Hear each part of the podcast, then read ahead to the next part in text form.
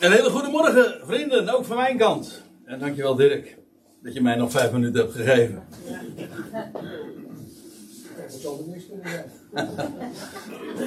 En we gaan, eh, we gaan inderdaad eh, de Bijbel openen. En we zongen zojuist over eh, in onze dankbaarheid. uiten we over, de, over God die door zijn woord vensters opent. En het stralen licht waar dat daar doorheen straalt. Wel, dat gaan we vanmorgen ook eh, inderdaad heel letterlijk doen. Eh, of tamelijk letterlijk moet ik zeggen. Want eh, het onderwerp, u ziet het, is geopende vensters. Dat is natuurlijk een beetje een, een tricky onderwerp. Als je het wat breder maatschappelijk of politiek betrekt. Want de afgelopen jaren, ja, ja, toen moest er, eh, werd er veel gesproken over ventilatie, weet u wel. Wordt, ja, dat wordt nu geventileerd, zeker. Ja. En, eh, maar ja, dat wordt, dat wordt eh, weer een heel lastig idee natuurlijk voor de komende tijd als het koud wordt. En de stookkosten die gaan zo toenemen, dan moeten de vensters weer dicht. Weet je wel, ja. Dat is ook nooit goed hoor. Laat ik, laat ik om te beginnen eens even. Niet de Bijbel, maar Wikipedia openen. Eh, in dit geval is dat denk ik heel te, terecht. Wat, is, eh, wat verstaan we onder een venster, voor zover we dat nog niet weten? Ik, ik heb het even opgezocht. Een venster is een opening in een muur om licht door te laten en doorheen te kijken en of te ventileren. Eh, dat wil zeggen, het is dus eigenlijk voor licht en voor lucht. En ik kwam erachter dat het Engelse woord window eigenlijk daar alles mee te maken heeft. Want wind heeft te maken met wind, maar die eh, begrijpen we wel. En dat laatste eh, lettergreep, eh, dat O, heeft te maken met oog. En dat vond ik wel interessant, want het betekent namelijk dat het dus dat wind, dat heeft te maken met lucht. Eh, met ventilatie en dat O heeft te maken met licht. Dat wil zeggen, zodat je er doorheen kunt kijken. Dus window is een hele aardige eh, weergave van wat wij dan vensters noemen. Voordat ik een, een achttal voorbeelden ga noemen uit de Bijbel waarin sprake is van geopende vensters. En ik kan u alvast verklappen dat de lijst eh, bepaald niet compleet is. Maar eh, wil ik eh, nog, iets anders vermelden. Dat doe ik dan even vooraf.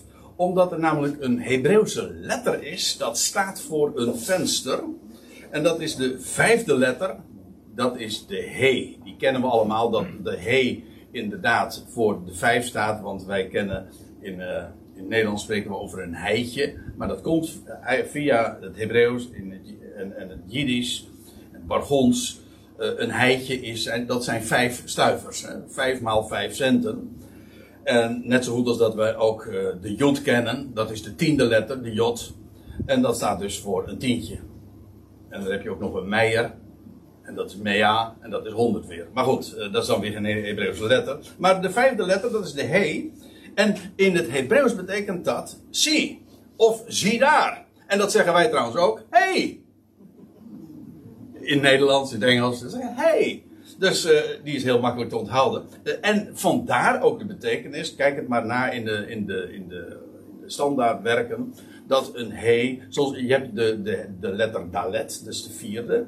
Dat is een deur. En de, de beet, de tweede letter, onze B, eh, is een huis. Kennen we? Bethlehem, huis van brood. Eh, en, de, en de vijfde letter is dus eh, het is een venster. En, de aardigheid daarvan is dat er twee personages in de Bijbel zijn, en dat zijn niet de eerste de beste. Abraham en Sarah, die kregen in, bij dezelfde gelegenheid allebei een he, een venster, die vijfde letter, aan hun naam toegevoegd. Want eerst heten ze Abram en Sarah. Nou ja, als ik dat laatste zeg, dat, dat hoor je eh, het verschil niet, want die he, eh, dat is zo'n letter, dat is eigenlijk gewoon lucht. Je ziet dat niet echt. Maar eh, als je het op het moment dat je het opschrijft, zie je het dan weer wel. Want ze kregen in beide gevallen een H, een venster, een he, dat is deze letter, zo schrijf je het, in het moderne Hebreeuws, aan hun naam toegevoegd. En toen werd Abram Abraham. En beide namen vind je dus in de Bijbel. Maar toen inderdaad de mogelijkheid uh, uitgesloten was dat zij nog leven konden voortbrengen, oftewel er werd een deur gesloten. Maar u weet het, en dat is een Bijbels principe, en we zullen dat op allerlei wijzen weer eh, bevestigd zien vanmorgen. Als er een deur gesloten wordt, of als eventueel God een deur sluit, dan opent hij een venster. Trouwens, eh, wat die E betreft, onze E, die komt dan weer uit het uh, Grieks, de epsilon, de he. Uh, maar die komt, dat is eigenlijk een, dus, dat is deze letter dus. Dus uh, het komt eigenlijk via het Grieks alsnog in, in ons bekende alfabet. Dat is deze letter. En in het, in het Griekse hoor je die letter trouwens ook niet, de he. Nou, ik zei al, ik wil een achttal voorbeelden geven, behalve wat ik nu gezegd heb over dat venster dat zowel Abraham als Sarah aan hun naam kregen toegevoegd. Uh, een achttal voorbeelden geven in de Bijbel van geopende vensters. En ik zal u uh, meteen maar verklappen hoe ik eigenlijk op dit onderwerp kwam. Van de week, toen was ik bezig met de voorbereiding voor een toespraak die ik gisteren gehouden heb in Nunspeet. En was een, een kennissen van ons, die waren 40 jaar getrouwd en ik was gevraagd, wij waren gevraagd om daar ook te komen en ik heb daar een bijbelstudie mogen geven tijdens dat feest. Ja, dat is apart hè. Tijdens een, een huwelijksjubileum mocht ik een bijbelstudie of van een uur geven. En als het langer was dan een uur, was dat ook geen probleem. Dat werd me al verzekerd. Maar ik heb het keurig aan de, op de 60 minuten gehouden. Maar in ieder geval, dat, uh, toen heb ik het gehad over 40 jaren. En uh, ja, wat doe je dan? Dan pak je een concordantie en uh, oh, goh, hoe vaak je 40 tegenkomt. Nou, heel veel keren. Ik heb hem trouwens ook ik heb hem opgenomen. Ik heb hem gisteravond ook nog even op internet gezet. Dus als u interesse hebt, dan kunt u hem terug beluisteren en bekijken. Maar ik, ik kwam, naar aanleiding van die studie over de 40 en 40 dagen en zo, kwam ik op geopende vensters. En toen dacht ik van, hey, weer een geopend venster. Die, die, die gaan al, er gaan heel veel luikjes open, heel veel raampjes openen zich. Uh, dat, is, dat wil ik toch eens een keertje apart belichten. Dus vandaar dat ik het vanmorgen heb, aansluitend over uh, geopende vensters. En uh, het eerste voorbeeld is meteen raak, want daar had ik het gisteren dus ook over. want de eerste keer dat je leest in de Bijbel over een venster, dat is in Genesis 8. Dat is eigenlijk aan het einde van de zondvloed, dan lees je dat in Genesis 8, vers 6, na verloop van 40 dagen opende Noach het venster dat hij in de ark, dat is, het venster in het dak trouwens, dus echt naar boven, dat hij in de ark gemaakt had en hij liet een raaf uit. En u weet hoe dat gegaan is. En nog een dag of wat later liet hij een duif uit. En toen, ik schat in, het kan niet bewijzen, maar ik denk dat het ongeveer op de vijftigste dag is dat hij uh, duif met een olijftak, duif, een type van de geest, uh, terugkwam. En als u zegt van, er staat er niet die vijfde dat klopt. Maar uh, het moet ongeveer rond die tijd geweest zijn. Wat er wel staat, is dat er inderdaad na verloop van 40 dagen Noach het venster open. En het aparte daarvan is dat sinds. ja, maar je leest namelijk, dat moet ik erbij voorbij zeggen. Uh, een paar versen eerder, in vers 4, dat op de 17e van die maand uh, de ark vastliep op de, het gebergte van Ararat. En je moet zich voorstellen, de hele wereld was nog bedekt met water. Er werd dus niks van gezien van land. Maar de ark had vaste grond gevonden. En dat was op de 17e van die maand. En ja, dus een, nou ga ik eigenlijk een stukje skippen, want het is een, wat lastig verhaal om dat eventjes in een, een halve minuut te vertellen. Maar uh, het, het eh, in, de Hebreeën kennen de, uh, twee kalenders. En het, na de, bij de Exodus is er een kalender bijgekomen en toen werd de eerste maand de zevende maand. De zevende maand de. Dus je krijgt dus eigenlijk een, twee kalenders die allebei een half jaar verschillen. In ieder geval, om een lang verhaal kort te maken, wat ik nu dus niet ga uitleggen, is dat de zevende maand van origine de latere eerste maand werd. En dat is de maand Aviv. Oftewel, de, uh, ja, de, de, Aviv betekent lente. Tel Aviv. Uh, de maand Abib. Zo lezen we in onze Bijbelvertalingen. Op die dag, die 17e van de Aviv, toen strandde de ark. Of in ieder geval liep die vast.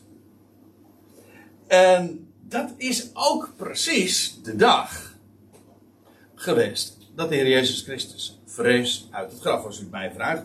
Namelijk, uh, hij stierf op de 14e, de dag dat het paarschaag geslacht moest worden, de 14e Aviv. En uh, drie dagen later verrees hij uit het graf. En dat is, tel het maar eens na op uw rekenmachientje. 14 plus 3 kom je toch echt op de 17e uit. in ieder geval, dat is de dag dat de ark vaste grond vond. Inderdaad, er werd nog niets van land gezien. Het waren alleen nog maar doodswateren. Maar op die dag was de garantie werd gegeven van de overwinning op de dood. Toen vond inderdaad de ark vaste grond en uh, de belofte van nieuw leven. En wat er gebeurde, is dat er 40 dagen later, in beide gevallen dus, ooit toen de ark vastliep, uh, op die 17e van de, eerste, van de maand. En dan vervolgens 40 dagen later werd het venster naar boven geopend en toen vloog de vogel weg. Om later als duif dan uh, met een vers olijftak als embleem van nieuw leven, nog steeds trouwens, weer terug te keren. Maar in ieder geval, het idee is: het venster naar boven ging open. En ja, uh, het lijkt me toch niet zo moeilijk dat daar een directe synchroniteit of parallelisme zit tussen de, wat er ooit plaatsvond in de dagen van de zonvloed, van Noach, en na de opstanding, want wat was het geval? De Heer Jezus Christus, het zal u niet ontgaan zijn. Hij stond op en vervolgens 40 dagen later, toen ging de hemel open en, als ik het zo mag zeggen, vloog de vogel. Volmaakte parallel. Maar het, en het, dit venster dat geopend wordt, spreekt dus inderdaad van de hemel die geopend werd. En dat wat in Genesis al ge, vastgelegd was, gewoon als geschiedenis, was feitelijk al een venster op de toekomst. Namelijk wat pakweg 2500 jaar later zou plaatsvinden toen Christus verrees, definitief uit het graf. En, en inderdaad, uh, op die 40ste dag ten hemel voer. Dat is de eerste. Dat is het eerste venster dat zich opende. We gaan naar het tweede voorbeeld. Daar kan ik wat korter over zijn. Uh, dat is wel een aparte geschiedenis trouwens hoor. Dat is in Genesis 26. Ik had de vorige keer ook al zo'n aparte geschiedenis. Dat was Genesis 38. Uh, dat, uh, dat moet je eigenlijk overslaan. Kan je niet aan tafel lezen, want dat uh, krijg je rode oortjes van en zo. En eigenlijk heb je dat nu weer zoiets, want wat lees je dan in Genesis 26? Toen hij, en dan gaat het over Isaac en Rebecca, daar in het land van de Filistijnen al een lange tijd geweest waren. En er was daar ene Abimelech, betekent, zijn naam betekent mijn vader is koning. Die naam vind je nog eens vaker terug in de, in de schrift. Hij was dus de koning van de Filistijnen. Die zag eens door het venster of, nou, toen uh, Isaac daar lange tijd geweest was en Abimelech, de koning van de Filistijnen, eens door het venster keek, toen zag hij en zie, Isaac was aan het minnenkozen met zijn vrouw Rebecca. Krijgen we nou zeg? Dat is op zich natuurlijk niet zo gek, hè? Als je, want tegenwoordig, als je een window opent, dan zie je zo vaak vrijende stellen. Nee, nou bedoel ik weer een andere window. Dus in die zin is het een, eh, een, een modern uh, tafereel. Uh, ik, ik, moet er trouwens bij zeggen. Kijk, deze Abimelech die dacht dat Rebecca de zus van Isaac was. Dat had hij trouwens ook gezegd. Maar dat was niet waar. Abraham had het ook. Het is heel eigenaardig. Je leest diezelfde geschiedenis van Abraham ook. Dat hij dat deed. En toen, en had hij het gezegd van Sarah. Dus mijn zus. Dat, dat klopte trouwens wel weer voor de helft. Want Sarah was de halfzus van Abraham. Eh, maar in dit geval klopte het niet. En het kwam ook aan het licht. En eh, ja, toen de window geopend werd, want u weet het met Windows, eh, dat heb je van die, op je computerscherm heb je, en dan kun je vensters openen en sluiten. En je kunt ook een incognito venster openen. Eh, dat eh, vaak voor deze gelegenheden trouwens gebruikt wordt. Maar het idee dan is vooral bij een venster. Je kan wel naar buiten kijken, maar je kijkt niet naar binnen. Hè? Ja, het is eenzijdig. Het is zo, zoiets als een geblindeerd raam. En, en in dit geval ook eh, wat die Abimelech zag, dat hebben Rebecca en, en Isaac niet gezien. En, ehm, ja, de, oh, trouwens, dat minnenkozen. Eh, dat is eigenlijk in het Hebreeuws is dat een woordspeling op de naam van Isaac. Want eh, ik heb dat hier ook even uitgebeeld. Je vindt hier gewoon eigenlijk de naam van Isaac terug. En vandaar ook dat eh, eigenlijk het, idee- het woord, de naam Isaac betekent lachen. En vandaar ook dat als werkwoord het vertaald wordt met plezier maken, lachen. In, eh, in de Statenvertaling staat jokken. Ze waren aan het jokken. En, maar dan zie je trouwens hoe, eh, hoe lastig het is met vertaling. Want, want oorspronkelijk is jokken gewoon eh, een geintje maken. En, eh, en, en eigenlijk gewoon, hoe zeg je dat? Ja, ja, jokken bij ons betekent liegen, maar van origine is de gedachte van jokken van je maakt een gekheidje, je, eh, je meent het niet serieus, vandaar dat het eigenlijk niet waar is wat je zegt. Dat is dan de bijbetekenis, terwijl dat nu juist de hoofdbetekenis in ne- moderne Nederlands is geworden. Van origine is jokken gewoon plezier maken. Gewoon, en dat zie je nog in het Engelse joke. Het heeft niks met jouw naam te maken, jo joker. Of de, de joker. ja, ja, dat is mooi als je zo heet Eh, maar ze waren aan het joggen dus. Ja. Nee, niet aan het joggen. Dat, is- dat, is, weer, dat is weer wat anders. Daar ga, daar ga je ook niet lachen. Dat tenminste ik niet.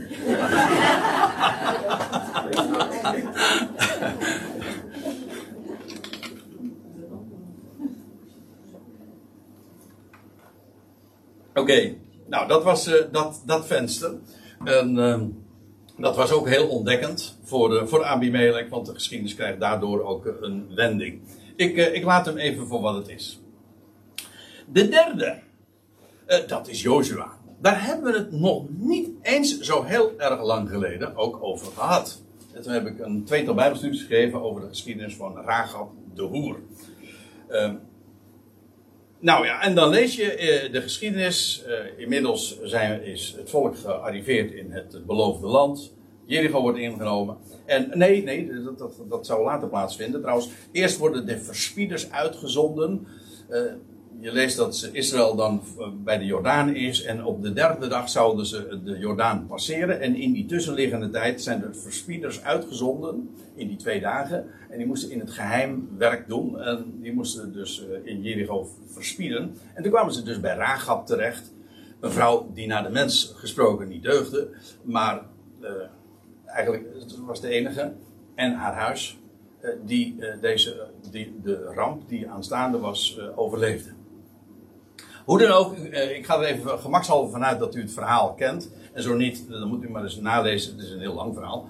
Eh, maar eh, dan lees je van die, dat zij op een gegeven ogenblik, dat de verspieders eh, bevrijd moeten worden. En ja, en niemand mocht ervan weten. Het was echt een geheime operatie.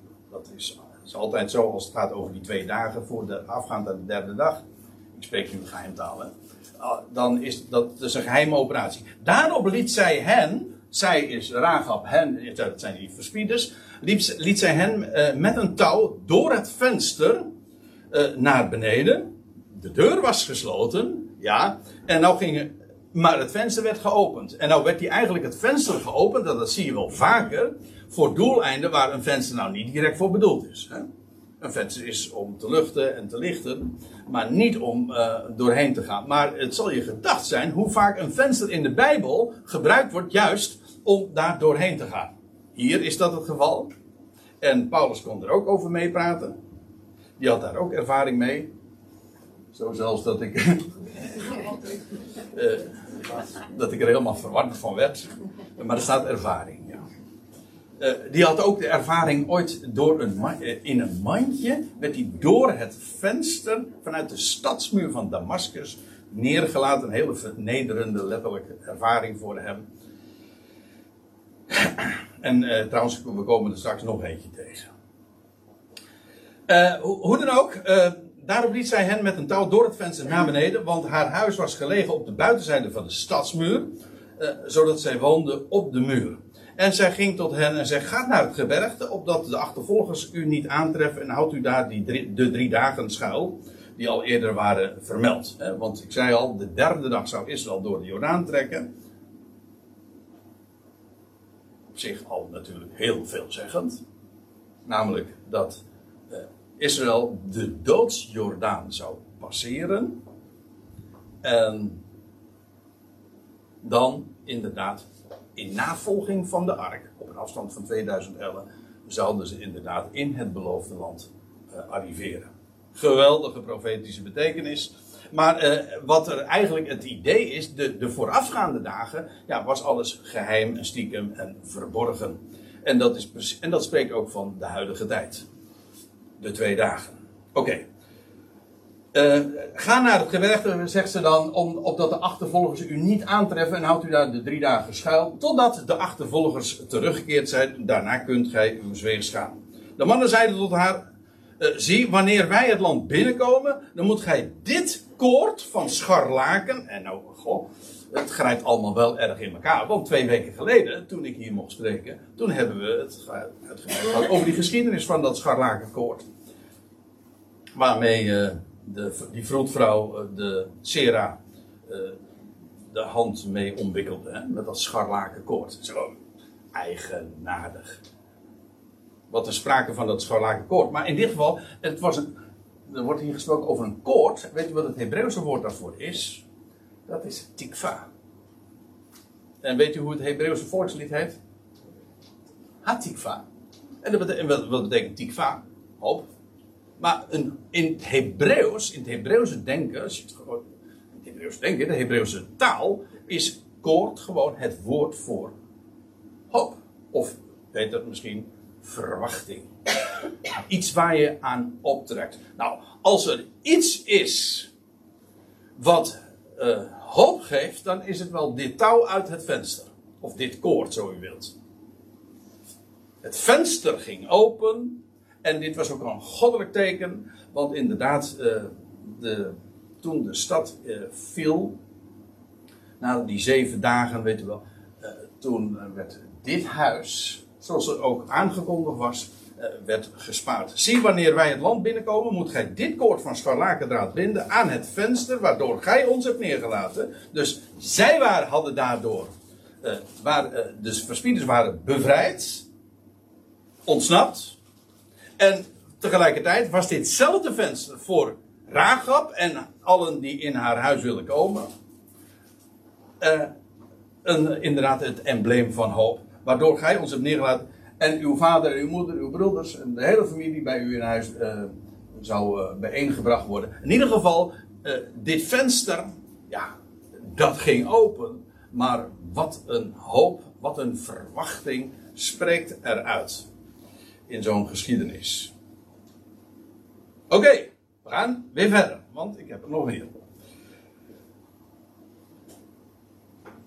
We gaan naar de geschiedenis van David. David, in, eh, in dit geval 1 Samuel 19. S- David was eh, gezalfd tot koning. Eh, hij had inmiddels trouwens ook, dat is hoofdstuk 17 van de 1 Samuel, had de overwinning behaald op de vijand, de grote vijand. Als ik zeg groot, dan bedoel ik dat letterlijk.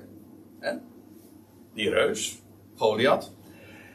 En wat, eh, dan zou je zeggen van nou, dan wordt David, die was immers net bestemd om de koning te zijn, eh, wordt meteen koning. Dat gebeurde dus niet. Daar ging nog een hele tijd overheen. Alvorens Da- David, die inderdaad een nieuwe dynastie, de definitieve dynastie zou starten. eh, alvorens hij daadwerkelijk koning werd. Want in die tussentijd eh, ja, moet hij het vegenlijf redden. En uh, verbergt hij zich in Adullam bijvoorbeeld. Adullam betekent trouwens, heeft te maken met Olam. En dat in plaats van verborgenheid in een spelong. En hij was nergens het leven zeker. Hij werd vervolgd. Uh, en hij had een legertje van mensen om zich heen. Schoremorri. Echt. Dat is trouwens ook Hebreeuws. Uh, mensen die om allerlei redenen eigenlijk niet deugen. En die dat trouwens zelf ook wisten, want ze hadden schuldeisen, ze zagen het niet zitten. Je leest dat ergens in die geschiedenis van uh, uh, allemaal mensen die eigenlijk gewoon door de maatschappij volkomen miskend werden. En die, nou ja, van ellende gingen ze, voegden ze zich maar dan bij David. En diezelfde mensen, dat waren er 400 man toch, zegt het goed? Ja. dus nog een hele koppel hoor, daar niet van. Maar uh, die, diezelfde mensen, toen later David alsnog koning werd, wat toen natuurlijk niemand geloofde, want ja, die man die werd miskend en achterna gezeten. Maar niettemin, toen David koning werd, toen kregen al die mensen, die niet deugden, maatschappelijk sowieso niet, en zelfs in hun eigen ogen niet, die werden, alle, kregen allemaal een hoge positie. Dat lees je later in, in, als, als David koning werd. Dat, dat lot viel hen gewoon ten deel. En ze hebben dus gedeeld in de verwerping van David. David was de verworpen koning. En niettemin, uh, zij, uh, ja, zij deelden in zijn lot. En ze, om ook, als David daadwerkelijk de koning zou worden, te delen in zijn glorie. Oké, even terug naar af. Want David werd dus achterna gezeten door zijn door Saul, wat, wat trouwens ook nog zijn schoonvader was. Want hij was getrouwd met Michal, en daar hebben we het nu ook even over. Uh, dan lees je dat. Nou, laat ik het lezen. 1 Samuel uh, 19 vers 4. En Saul zond boden naar het huis van David. Om het te bewaken. Namelijk, ze, ze wil, David, Saul zou David gaan grijpen. En er staat erbij. En hem des morgens te doden. Maar Michal, of Mikal, de vrouw van David, de dochter trouwens van Saul dus, deelde hem mee. Indien gij vannacht uw leven niet weet te redden, zult gij morgen ter dood gebracht worden. Kijk het nou maar na. U zegt, jij doet het erom, André. Ja, je zou het inderdaad zweren, maar het is niet waar. Kijk het maar na in de geschiedenis. Deze, die morgen waar zij het over heeft, dat is de derde dag. Ja, echt. In deze geschiedenis. Um, het is trouwens naar aanleiding van deze gebeurtenis dat we nog een psalm in de Bijbel hebben. Psalm 59 is, uh, uh, dat staat er boven, uh, is gecomponeerd door David naar aanleiding van deze geschiedenis. David, David werd gezocht door Saul en dan ons. Nou, laat ik het maar lezen. want er staat nog bij in vers 12. Toen liet Michal David door het venster naar beneden en hij ging op de vlucht en ontkwam. Hé, hey. David, de koning, althans bestemd om koning te zijn, hier nog verworpen en op een wonderlijke wijze verdwijnt hij helemaal uit het zicht. En ik zou zeggen, dit is weer zo'n Prachtig plaatje van de huidige tijd. Waar is David? Waar is de zoon van David? Laten we het dan maar gewoon in klare taal zeggen. Waar is nou de zoon van David? Het antwoord is, hij is ontsnapt via het venster. Hij is weggegaan. Op de veertigste dag, als u begrijpt, is hij gevlogen. Nou, nou haal ik alles door elkaar natuurlijk. Maar dat is een mooie van typologie. Dan begrijpt het uiteindelijk toch weer in, in elkaar. En dat betekent, hij, hij is weg. Hij is uit het zicht verdwenen. Maar de zoon van David, hij is er wel. Alleen hij is voor het oog verborgen. En dat is wat uh, deze geschiedenis ook uitbeeldt. Dan komt hij trouwens, uh, dan, ja, je zou het door moeten lezen, want dan komt hij in Rama. En, dat, en Rama, weet je wat het betekent? Een verhoogde plaats. Ja. je had het eigenlijk kunnen bedenken. Ja, als, als, David dan via het raam, of via het venster, of via de window uh, uh, verdwijnt, ontsnapt, uit zicht verdwijnt, dan komt hij in Rama. En dan ontvangt hij de geest, staat er ook nog. Nou ja, moet u maar eens lezen. 1 Samuel 19. Heb ik er nog één? Nee, ik heb er nog drie. Vijf, zes, zeven. Ah, net vier zelfs. Uh, ja. Ja, vier. Uh, en dat is 2 Samuel 6. Hebben we het weer over David? Hebben we het trouwens ook weer over Michal? Maar dit is een hele uh, tijd later. Want dan lees je dat. Uh, dan staat er in vers 16 van 2 Samuel 6. Toen de ark van Yahweh de stad van David binnenkwam. Nou moet ik even, uh, eerst even toelichten. Inmiddels was David dus koning geworden. Dus Saul was uh, al lang breed overleden. Uh, vervolgens wordt David ook koning in, in Jeruzalem. Dat was trouwens zeven jaar later pas. En dan gaat hij uiteindelijk de ark halen en op zijn bestemming brengen. Namelijk, in, de ark hoort in Jeruzalem. De ark had namelijk eerst drie maanden. Waarom nou drie, dat weet ik niet maar uh, had eerst gestaan.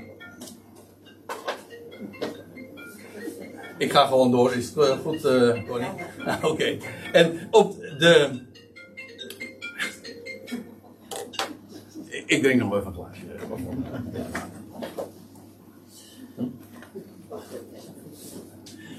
De ark had namelijk drie dagen, drie maanden. ja, dat was dus een onderbreking. Dat ik dat is ook niet voor niks. Maar uh, had eerst gestaan in het huis van Obed Edom. Dat was een Filistijn. Eigenlijk, eigenlijk de ark, een type van, als het mij vraagt, een type heel duidelijk van de Heer Jezus Christus. Die was eerst, had hij een plaats gehad, weliswaar niet definitief, maar ter onderbreking in, in het huis van deze Filistijn, Obed Edom. En dat zeggen eerst onder de heidenen. Maar nu kwam hij alsnog uh, op de plaats van bestemming. En Jeruzalem wordt eigenlijk bij deze gelegenheid de koning-priesterlijke stad. De ark als het centrum van de priesterlijke dienst, eigenlijk van het huis van God. Uh, die komt nu in Jeruzalem. David was ook inmiddels koning geworden in Jeruzalem. Dit was een geweldig feest. Een, en als u mij vraagt, uh, ja, dat is waarom ik het uh, ook naar voren breng. Typologisch is het zo eenvoudig om te zien dat als hier de ark in Jeruzalem arriveert en heel Jeruzalem viert het feest, omdat het de stad is van de koning, maar ook van de priester. Trouwens, David die kleedt zich ook in met als een priester, je. In een linnen rijfrok. Dat was eigenlijk de rok van een priester. Maar goed, eh, die, die geef ik er zo eventjes bij. Maar in ieder geval, dit is een type van het Messiaanse Rijk. Als Jeruzalem inderdaad zijn bestemming zal vinden en er een geweldig feest zal vieren. En als Jeruzalem de stad van de koning-priester wordt. Van, Mel, van de ware Melchizedek, die trouwens ook priester was, te Salem. Maar toen de ark van Jawel, de stad van David binnenkwam. In dit geval is de stad van David dus niet Bethlehem, maar Jeruzalem keek Michal, de dochter van Saul, door het venster en zag koning David huppelen en dansen voor het aangezicht van Yahweh. En zij uh, verachtte hem in haar hart. Ja. Hier is Michal, dat is heel apart hè. Hier uh, Michal wordt genoemd de dochter van Saul. Er staat niet Michal de vrouw van David. In feite in de praktijk eindigt hier het huwelijk van David en Michal. Je leest namelijk ook dat. Uh, kijk, eigenlijk Michal wordt hier. Ver, uh, zet hier de lijn eigenlijk voort van Saul. Vanaf dit moment ook. Ze veracht. Staat hè? Ze veracht hem in haar hart is precies eigenlijk wat, wat Saul ook altijd deed. Naar David toe. Saul in feite ook weer de type van hem. Die vooraf ging aan uh, David.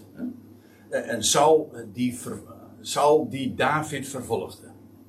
Ja, ik, ik heb er een beetje moeite mee om dit een beetje goed te vertellen. Omdat twee lijnen door elkaar lopen. Omdat Saul degene is die David vervolgde, maar Saul is ook degene die de zoon van David vervolgde. Maar dan hebben we het over een andere Saul. Maar ziet u?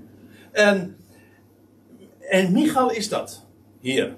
En, en Michal die is heel bitter. Want ze ziet David dan huppelen en springen en ze vindt dat zo onwaardig. Eigenlijk is Saul ook een type van het oude verbond. Die niks van David moet weten. En in dit geval ook, ze vindt het allemaal maar vrij. En hoe, ze, ze vindt dat David zich, uh, uh, zich hoe staat het er, uh, misdraagt. Door zo bijna bloot daar te dansen en te springen. En, en, en zij deelt zijn vreugde niet. En dat is trouwens typisch ook voor het oude, hoe het oude verbond zich verhoudt tot het, tot het nieuwe verbond. Of Saul zich verhoudt tot David. En dat is uh, de een uh, die leeft onder een last en de ander die kent de vrijheid en de rust en de vreugde en de uitgelatenheid. Maar dat, dat, dat staan ze, dat, dat is zo moeilijk als je wettisch religieus bent. Dat is vandaag trouwens nog steeds echt uh, het geval dat als je de geest van Saul hebt, van het oude verbond. Saul was ook immers die, die man die, die zo in het Jodendom het verder geschopt had. En zo, zo bezig was met de wet. En daarom kon hij totaal niet uit de voeten met de zoon van David. En dat is nu nog steeds zo. Dat wedstrijd met, wedstrijd met genade. Ja. En wie wint? Genade. Ja, maar dat wet heeft te maken met onderdrukking en met last en wat je moet en wat je niet mag vooral. En genade heeft te maken met vreugde. En met vrijheid. En met vrede. En die twee, die, dat is een heel lastig verbond. En hier eindigde in de praktijk ook dat uh, huwelijk. Hè, het, oude, het veroude verbond eindigde hier. Want wat lees je van Michal? Eh, ze, staat, ze verachten hem. Ze werd bitter. Want ze zag hem al huppelen en dansen. Dat doet maar zomaar. Hè. Het zal op de kostelijke zondag geweest zijn. Denk ik dan. Maar goed. Sowieso huppelen en dansen. Dat doen we toch niet. Ja, er komt van, van alles zo voor in mijn gedachten hoor. Als ik zoiets hoor. Want ik denk van. Dit, dit is zo typerend voor religie in het algemeen. En, maar je leest, dat wou ik zeggen. Je leest van Michal ze, uh, van, uh, ze kreeg geen kinderen. En meestal wordt het zo uitgelegd van dat Michael uh, vanwege haar reactie op David van Gods wegen onvruchtbaar werd gemaakt. Ik denk dat een veel logischer gedachte is. Michael heeft nooit meer gemeenschap gehad met David. Ze verachten hem namelijk. En daarom heeft zij inderdaad nooit kinderen gekregen. Er kwam, er kwam uit die relatie geen leven meer voort. Dat is ook typerend natuurlijk. In ieder geval, uh, ja, zij bekeek het uh, uit dit venster. Als je dat door dat venster kijkt, vanuit die optiek, vanuit dat perspectief, vanuit, de, uh, vanuit het wettisch perspectief, dan krijg je verachting. Dus, ja. 2 Samuel 6 was dat. En nu gaan we naar 2 Koningen 13. Dat is het zesde voorbeeld dat ik geef. Weer een heel andere geschiedenis. Het lastige is dat ik, als ik op deze manier Bijbelstudie geef, in tegenstelling met de vorige keer, toen had ik gewoon geschiedenis, ga je vers voor vers door zo'n hele hoofdstuk heen. Uh, nu moet ik iedere keer, als ik een ander voorbeeld, weer een ander schriftgedeelte heb, moet ik eerst weer eventjes context geven van, ja, waar gaat het eigenlijk over? Dat is in dit geval helemaal lastig, want dit, gaat, dit is de geschiedenis van Elisa in zijn nadagen. Elisa was, dood, Elisa was doodziek. U weet wel, Elisa, die navolg, opvolger van Elia, die dubbele deel van hem kreeg. En dan lees je dat uh, koning Joas, namelijk koning Joas van Israël, om het even ingewikkeld te maken, want je hebt ook nog een koning Joas van Juda. Sorry, het is nu eenmaal zo. Weet u dat het huis van Juda twintig koningen heeft gehad en het huis van Israël, de tien stammen, ook twintig koningen gehad Ik weet zeker, ik ken ze nooit allemaal uit uw hoofd. Ik tenminste nog niet. Zover. Maar in ieder geval, uh, dit was koning Joas uit het, uit het huis van Israël die komt bij Elisa op bezoek. Eigenlijk op uh, ziekenbezoek. Nou, om niet te zeggen op, uh, om afscheid te nemen. Maar wat doet Elisa? Terwijl die stervende is. Daarna beval hij open het venster naar het oosten. En toen hij, en dat gaat over koning Joas, het geopend had, zei Elisa, schiet. Hij had een pijl en boog kennelijk in, hand. En hij schoot. En toen zei, uh, en toen zei hij, dat is Elisa, een pijl van overwinning van Yahweh. Ja, een pijl van overwinning op Aram. Want daar was namelijk sprake van een oorlog. En Aram zou eigenlijk Israël onder de voet lopen. Maar, zegt Elisa, dat gebeurt niet. Er was een venster geopend. En als, uh, als teken. Uh, ja, Elisa heeft deze Joas ook nog eventjes geholpen. Lees je dat hij zijn hand op hem legde. Zo van ter bevestiging van wat hij deed. Schiet maar. En, en, en, hij schoot. En hij zei van nou, deze pijl. Vanuit dit geopende venster. Dat is jouw garantie. Dat je van Gods wegen de overwinning zal behalen. Een pijl van overwinning, ja, van Yahweh. Nou, is dat nou niet mooi? Hier gaat een venster open. En wat gebeurt er? Het, hier opent zich met recht een perspectief en een zicht op de overwinning die Yahweh geeft. En dat vind ik het geweldige, als die vensters in de Bijbel gaan open, open gaan, wat je dan allemaal ziet. Geweldig. Hier ook. En uh, zo is het inderdaad ook daadwerkelijk gegaan. Overigens, ja, dat moet ik nog even bij zeggen. Uh, en dat, zo, zo, gaat het eigenlijk altijd met hoop. Ja, hoop die gezien wordt, is geen hoop. Hoop heeft altijd te maken met de toekomst. Dus je ziet het nog niet. Je ziet nog helemaal geen land. Nee, maar de ark is vastgelopen en wacht maar. Dat is een kwestie van dagen. Dat is gewoon een kwestie van aftellen. En dat is de hoop en verwachting die wij hebben. Wij zien er nog helemaal niks van. Uh, deze koning Joas, die, die, zag alleen maar de legers van Aram eraan komen. En uh, die, waar, waar Israël eigenlijk uh, helemaal bij in het niet viel. Maar hij, er wordt een venster geopend. En, en hij krijgt de verzekering, de overwinning is van Jaweh. En daar vind je zoveel voorbeelden van. Maar het venster gaat open. Kijk, dat is wat de schrift doet. Er gaan allemaal er gaan, er gaan vensters open. En, en wat komt daar doorheen? Nou, lucht, je krijgt er ook lucht van. En licht. Je krijgt uitzicht. Terwijl niemand dat nog ziet. Dat is ook het uh, aparte van die vensters. Nog één. De zevende. Ja, die is ook mooi. Uit het boek Hooglied. Ik zei al, uh, ik, ik, ik, ik, vergeet ze niet. Ik heb hier nog een hele lijst van allemaal voorbeelden van geopende vensters. En ik heb maar een, een eigenlijk heel klein aantal daar eigenlijk uit genomen. Vooral van geschiedenissen. Die, dat, dat vond ik in dit geval het meest bijzonder. Want in, uh, in prediken lees je ook nog over, uh, over de ogen. Hè. Dan gaat het over de aftakeling van de mens. Uh, niet alleen maar dat zijn haar grijs of minder wordt. Uh,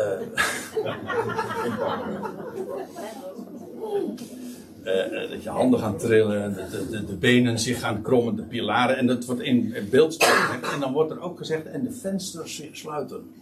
En die vensters, dat is dit, hè? de ogen. Trouwens, zo zeggen wij het ook, hè? dat is de, de spiegel, de, spiegel of de, de, venster van, of de, spiegel van de ziel. Dit zijn vensters. Ja, waardoor, waar, waar kijken wij door? Nou, gewoon door dit.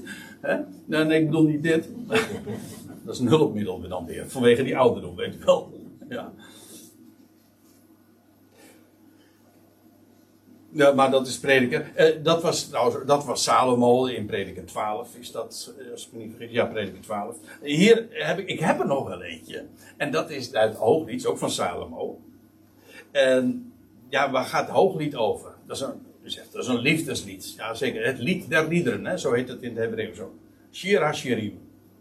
Lied van de liederen. Het hoogste lied. Het is eigenlijk een overtreffende trap. Maar waar gaat het over? Ja, over een bruidegom ik denk dat dat Salomo zelf is. De zoon van, Salomo, de zoon van David. Hè? Ik hoop dat u begrijpt wat ik nu bedoel. Maar goed, uh, over de bruidegom. Die, de, ja, het zijn acht hoofdstukken, maar er wordt een verhaal in verteld. Heel poëtisch, maar waar gaat het over? De bruid die haar bruidegom kwijt is. Dat is in feite waar het hele boek Hooglied over gaat. Dan gaat ze, haar, gaat ze haar bruidegom zoeken. Waar is die? Eh, Zo'n schitterend verhaal, want dat is precies het verhaal van Israël. Want als we het hebben over, eh, over bruid en bruidegom, dan kun je dat heel letterlijk nemen. En dat, zo kun je dat, dat, dat, lied der liederen lezen. Geen, geen enkel eh, probleem heb ik daarmee. Maar het is in de, niet in de mensenplaats ook, pr- ook en in, als u mij vraagt zelfs, primair profetisch, omdat het spreekt van de bruid Israël die haar bruidegom kwijt is. Hij is er wel, maar waar is hij? Hij is zoek. Hij is verborgen. Nou, daar gaat het boek over. Moet je met, vanuit dat venster moet je eens een keer naar het boek Hooglied eh, kijken. Vanuit die window. Oké. Daar spreekt het eh, van. En uiteindelijk vindt ze, haar, of vindt ze de bruidegom wel. En dan vindt die geweldige hereniging plaats. Maar kijk eens naar Hooglied 2. We moeten het daar bij gelegenheid nog eens een keertje veel uitgebreider over hebben, over het boek Hooglied. Want het is eh, een hoofdstuk of een boek dat eh, ernstig eh, eh, ja, eigenlijk ver, ver- verwaarloosd wordt. Terwijl het zo'n geweldig lied is. Het is lied zelfs. Oké, en dan, dan staat er in Hooglied 2 vers 6, hoor mijn, gelie- hoor mijn geliefde. Zie, zie, hey, hey, eh, daar komt hij. Springend over de bergen, huppelend over de, eh, de heuvelen. En dan zegt ze eh, in, in vers 9: Mijn geliefde, die staat achter onze muur, kijkend door de vensters, spiedend door de traliën. Dat vind je trouwens vaker.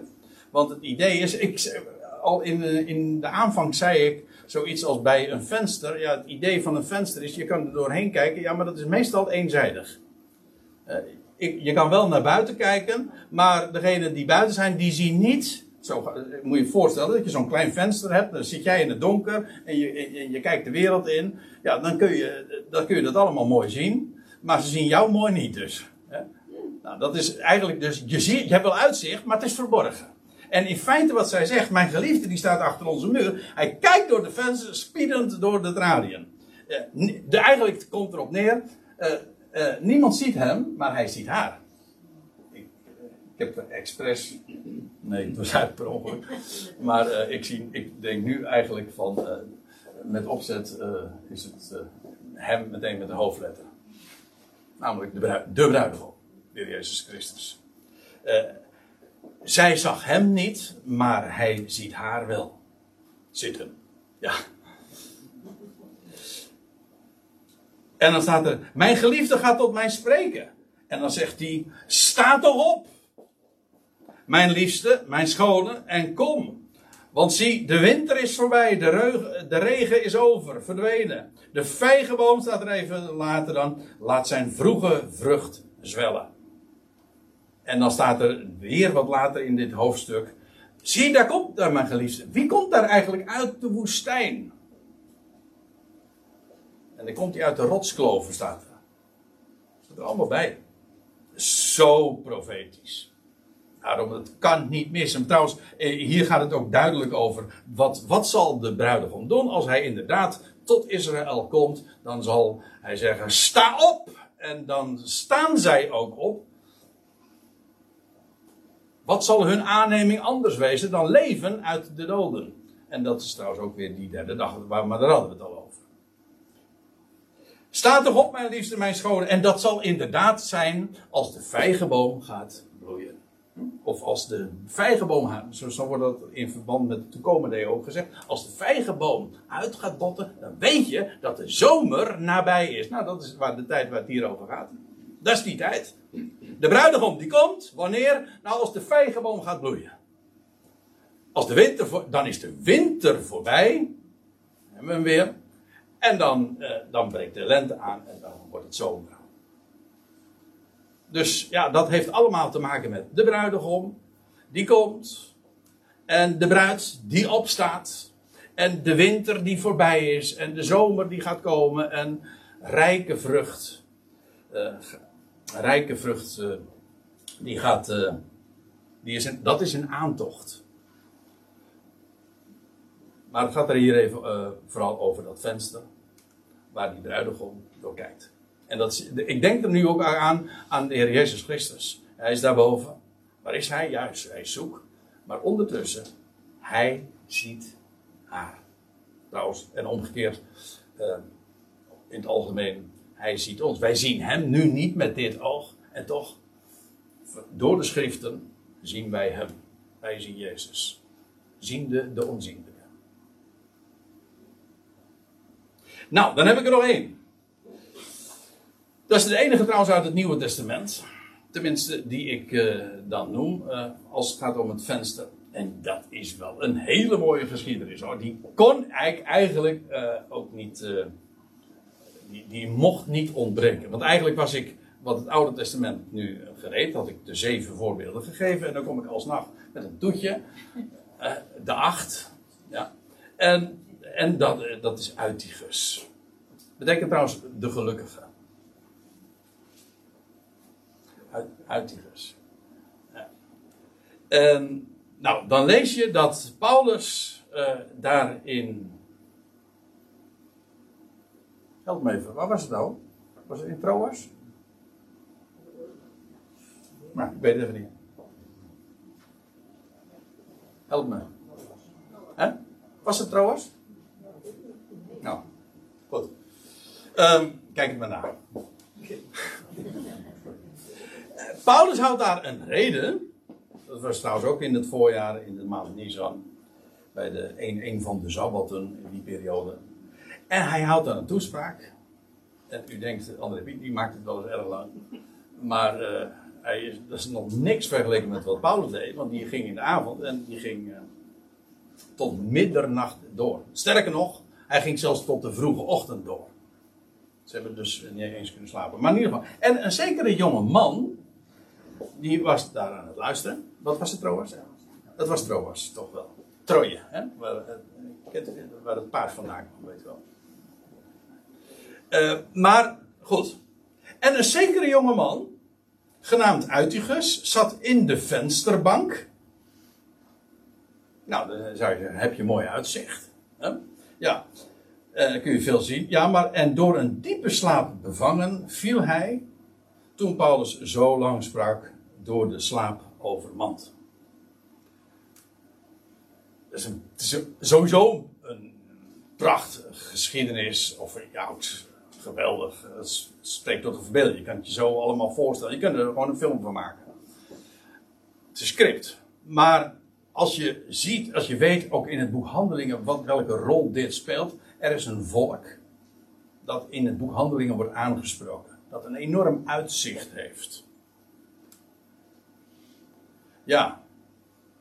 Maar uh, dan lees je van, uh, van dat volk. Uh, ze kregen. Heb, hebben ze daadwerkelijk gehoord? Nee, ze werden bevangen door een geest. Dat staat er in Romeinen 10. Van diepe slaap. Er staat trouwens dat de Heer dat gaf. Hij heeft hen gegeven een geest van diepe slaap. En wat gebeurde er? Vervolgens uh, nou, dat laat erbij.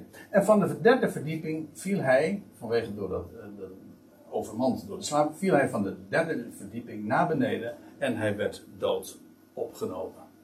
In feite is dit het, een plaatje, ook weer, zoals je in het boek Handelingen heel veel illustraties daarvan vindt, over Israël, waar een venster wordt, voor wordt geopend, een geweldig rijk perspectief. Het was in die dagen ook zo dat als Israël tot bekering zou zijn gekomen, dan was het Messiaanse Rijk in die dagen ook aangevangen. Maar ja, er vindt een onderbreking plaats. Afijn, deze geschiedenis spreekt ervan. Uitigus, hij zit in het venster, maar door een geest van diepe slaap uh, ja, valt hij en werd hij van de derde verdieping naar beneden en werd dood opgenomen. Nou, weet je wat ik nou het mooiste van het verhaal vind? Ja u, ja, u kent de afloop natuurlijk. Maar de reactie van Paulus, die was eigenlijk, als je dat zo leest, die was helemaal niet van zijn stuk. En Paulus was totaal niet in paniek, want hij zei: Nee, nee, nee, nee maak geen misbaar. Er is, ik zie leven. Ja, ja, want kijk, maar dat begrijp je ook. Want kijk, het woord kwam tot het volk. Maar uh, ze, door diepe slaap kwam het toch niet binnen en het volk is gevallen. Zoals, dat is de terminologie die de Bijbel ook gebruikt. Hè? Paulus zegt, hun val, ja, dat is rijkdom voor de natie. Maar wat zal hun aanneming eenmaal wezen? Anders dan leven uit de doden. Nou, dat is precies wat er vervolgens gebeurde. Want de, Paulus zegt van niks aan de hand. En, eh, en Tigers, eh uit Tigers, wat een geluk zeg. Als dat lotje ten deel valt. wat een geluk, zeg je dan. Eh Uitigus, hij, eh, hij, eh, hij herleeft. Hij staat op uit, als uit de doden. Nou, ik zeg als uit de doden. Hij, niet, hij stond werkelijk op uit de doden. Door het woord, inderdaad, van diezelfde Paulus. Eerst was hij door slaap overmand en viel die en was hij dood. En door datzelfde woord, dat evangeliewoord van de apostel Paulus, later, alsnog, herstelt hij en he- herleeft hij. Dus aan de ene kant, hij valt door diepe slaap. En aan de andere kant, niks aan de hand. Ja, natuurlijk. Je kunt je voorstellen, de, de commotie, de, de, ja, het verdriet van, goh, een jonge man, dood. Ja. Maar eventjes door, eh, kijk nou eventjes door het venster van God. Eh, Even het grotere plaatje. Dan zie je, wauw, wat geweldig. Eh, En David, en David, ik bedoel nu Paulus. Paulus, die keek door dat venster. En hij, hij, heeft, hij openbaart dat in de schriften. En hoe dat nu gaat met Israël. En nu een zijspoor. De bruid is de bruidegom kwijt. Maar Israël komt allemaal voor elkaar. Op Gods tijd, op de derde dag dus. Hè? Kijk, dat zijn vensters die in de Bijbel opengaan. En ik zei al, eh, we kunnen nog verder gaan. Goed, oh, ik heb hier de lijst. Ik, ik zal hem ook op internet zetten, dus als u nog meer wil weten, eh daar staan nog veel meer voorbeelden van, eh, van vensters die, die open gaan.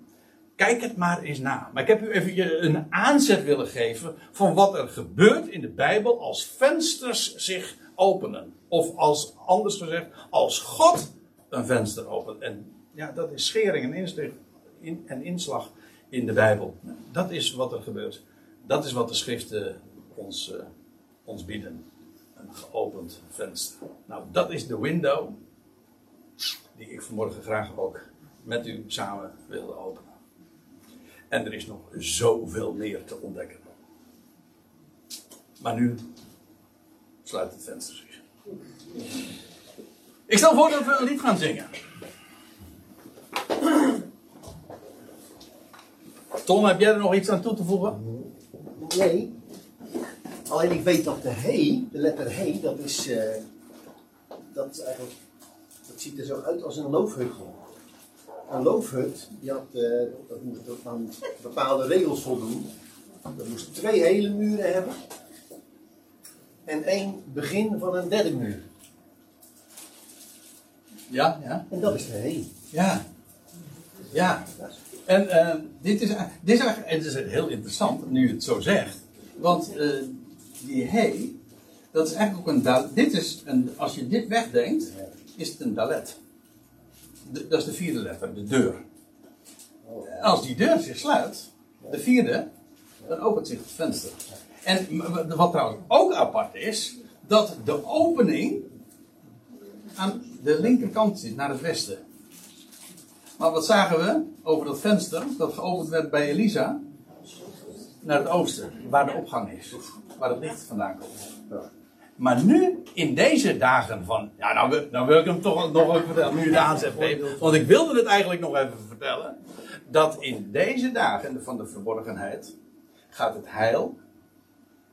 naar de natie. Naar het westen.